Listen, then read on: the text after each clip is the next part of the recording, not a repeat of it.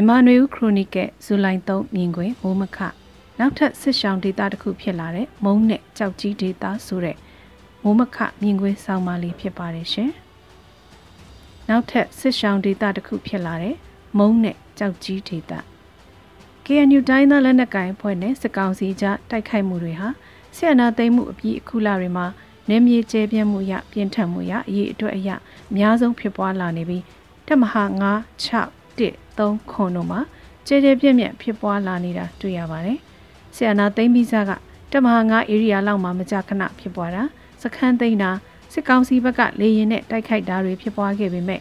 ယမန်နေ့အဲ့ဒီလပိုင်းတွေမှာတမဟာ6တမဟာ9နဲ့တမဟာ3တို့မှာတိုက်ပွဲဖြစ်ပွားတာမရှိခဲ့ပါဘူးတမဟာ6အနေနဲ့ NCA ပါအနေထားကိုဆက်လက်ထိန်းသိမ်းထားမယ်ဆိုတာမျိုးထုတ်ပြန်ခဲ့တာတိုက်ပွဲတွေဖြစ်ပွားမှုမရှိသလောက်ဖြစ်ခဲ့တာတွေ့ရပါတယ်တမဟာ9အနေနဲ့တော့ စစ်အာဏာသိမ်းမှုဖြစ်ပြီးနောက်မှာဂျိုးကြားဂျိုးကြားတိုက်ခိုက်မှုအသေးလေးတွေနဲ့စစ်ကောင်စီရဲ့နေဆက်ခြေကုပ်စခန်းနဲ့ခြားသောစခန်းတွေလိုမျိုးသိမ်းတာလို့တိုက်ပွဲကြီးကြီးမားမားလည်းရှိခဲ့ပါတယ်နောက်လအတန်ကြာမှာဖာပွန်လိုဒေတာကအစိုးရဝန်ထမ်းတွေကိုဖာပွန်ကနေထွက်ခွာဖို့ရာဇသံပေးခဲ့တာတွေလည်းလုပ်ခဲ့တာဖြစ်ပါတယ်။ KNU နေနဲ့ဥက္ကဋ္ဌကအသက်အရွယ်ရအတွေ့အကြုံအရစီးရီနီလန်ကိုပဲလုံလုံလျက်လျက်အားကိုပြီးပြန်တိုက်ခိုက်ဖို့ တိုက်ပွဲမျက်နှာစာတွေဖွင့်ဖို့တထစ်ချဆုံးဖြတ်ခြင်းမပြုသေးပဲနိုင်ငံရေးအရအခွင့်အလန်းရှိသေးရင်ကြိုးစားဖို့မျှော်လင့်ကောင်းမျှော်လင့်ထားတာဖြစ်နိုင်ပါတယ်။သို့ပေမဲ့လို့လူငယ်ပိုင်းလူလက်ပိုင်းနဲ့ KNU အဖွဲ့တွေကအမြင်ကွဲပြားတာတွေလည်းရှိပြီး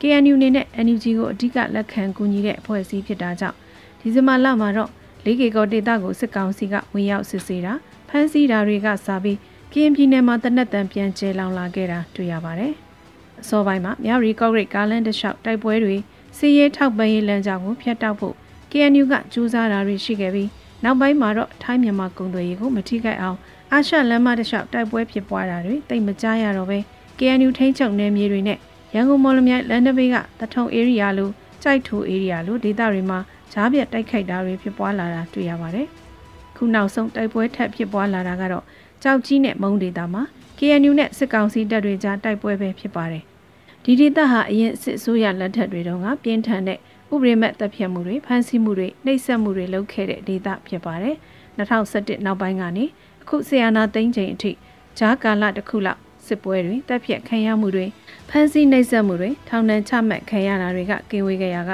ခုတပံစစ်ပွဲဖမ်းဆီးမှုထွက်ပြေးတိမ်းရှောင်ရတဲ့အခြေအနေပြန်ရောက်လာတာဖြစ်ပါတယ်။နောက်ဖစစ်အစိုးရလက်ထက်မှာအဲ့ဒီဒေသမှာရေဒီယိုအတွက်လက်နေဓမီအတွက်ဝယ်တဲ့တက်ခဲတွေ့ရင်လဲ ဖမ်းဆီးနှိပ်စက်ခံရနိုင်တယ်လို့ဝိုင်ယာကျိုးယူဆောင်တာတွေ့ရင်လဲဘုံခွဲဖို့တန်တရားနဲ့အသက်ဆုံးရှုံးနိုင်တဲ့အထိနှိပ်စက်တပ်ဖြတ်ခံရနိုင်တဲ့အခြေအနေမျိုးရှိခဲ့တာဖြစ်ပါတယ်။ဒါတွေကစစ်တပ်ဘက်ကကျူးလွန်ခဲ့တာတွေဖြစ်ပြီးတခါတရံမှာစစ်တပ်ကိုသတင်းပေးတယ်လို့တန်တရားနဲ့ KNU ဘက်ကဖမ်းဆီးနှိပ်စက်ခံရတဲ့အဖြစ်တွေလည်းရှိခဲ့တယ်လို့ဆိုပါတယ်။ခုရက်ပိုင်းသတင်းတွေမှာတော့ကြောက်ကြီးနဲ့မုံဒေတာကဒေတာကန်3000လောက်ထွက်ပြေးတိမ်းရှောင်နေကြရပြီလို့ပါရှိပါတယ်။ငိမ့်ချမ်းရေးမဟုတ်သေးတဲ့အပြစ်ရဲ့သဘောတူညီမှုတွေဟာ ဆီယနာသိမ့်လိုက်ကလေးကပြက်ပြဲခဲ့ပြီးလက်နက်ကင်တိုက်ပွဲတွေထွက်ပြေးတိမ်းရှောင်ရတဲ့အဖြစ်တွေတဖန်ပြန်ဖြစ်ပွားလာပြီးဖြစ်ပါတယ်ရှင်။